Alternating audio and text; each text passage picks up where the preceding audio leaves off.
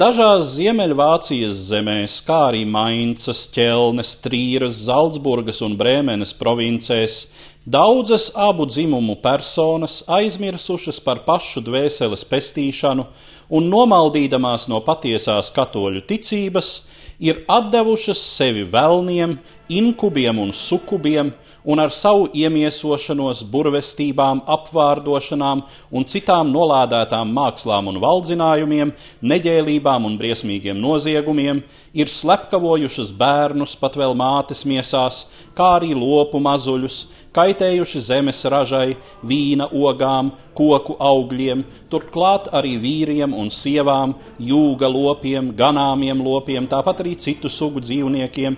Viņi kavē vīrus veikt dzimumu aktu un kavē sievas tapt mātes cerībās, kādēļ vīri nevar atzīt savas sievas, ne sievas pieņemt savus vīrus.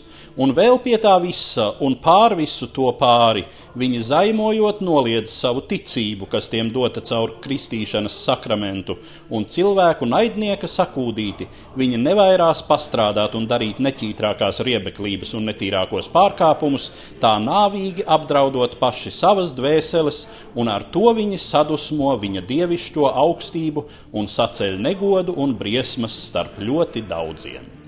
Tā raksta pāvests Inocents VIII savā bullā, kura datēta ar 1484. gada 5. decembri.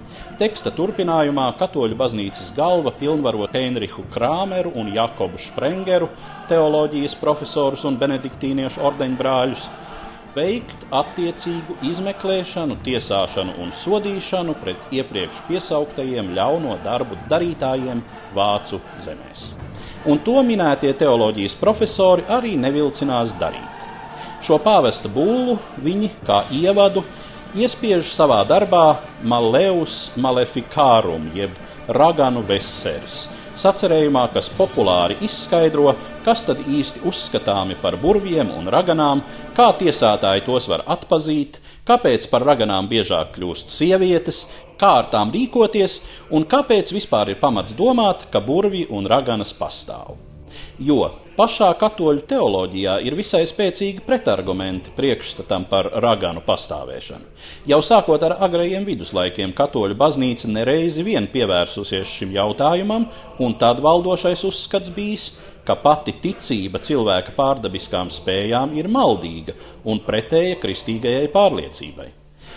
Tomēr laikā no 1487. līdz 1669. gadam, tātad turpat veselus divus gadsimtus, raganu āmurs piedzīvo 36 izdevumus un kļūst par raganu prāvu rīkotāju rokas grāmatu. Tas ir arī apliecinājums, ka Johana Gutenberga izgudrojums, iespiedu mašīna, kam jānes cilvēcei gara gaisma, var vienlīdz labi kalpot arī par māņticības un gara kroplības izplatītāju. Vēsturnieki joprojām nav vienisprātis par raganu prāvu iemesliem. Kāds gan pamats tam, ka jauno laiku sākumā Eiropā, kur jau dīkst pirmie modernās zinātnes un humānisma asni, daudz viet plosās nežēlīgas un absurdas izrēķināšanās ar nevainīgiem cilvēkiem, kas prasa vairāku desmitu, pēc dažiem aprēķiniem pat līdz simt tūkstošu cilvēku dzīvību.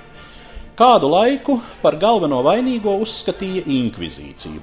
Tomēr jau pagājušā gadsimta otrajā pusē vairāki pētnieki pierāda, ka inkvizīcija nav šī procesa galvenais iniciators. Piemēram, Spānijā, kur inkvizīcija ir stipra kā nekur citur Eiropā, raganu prāvas tikpat kā nenotiek. Pievēršoties statistikai, atklājas cita likumsakarība. Raganu prāvas visvairāk risinās tajos Eiropas nostūros, kur salīdzinoši vāja centrālā valsts vara un neorganizēta tiesu sistēma. Nākas secināt, ka pamatā raganu medību iniciatori ir vienkāršie ļaudis, tauta, un šim procesam ir nepārprotamas masu psihozes pazīmes.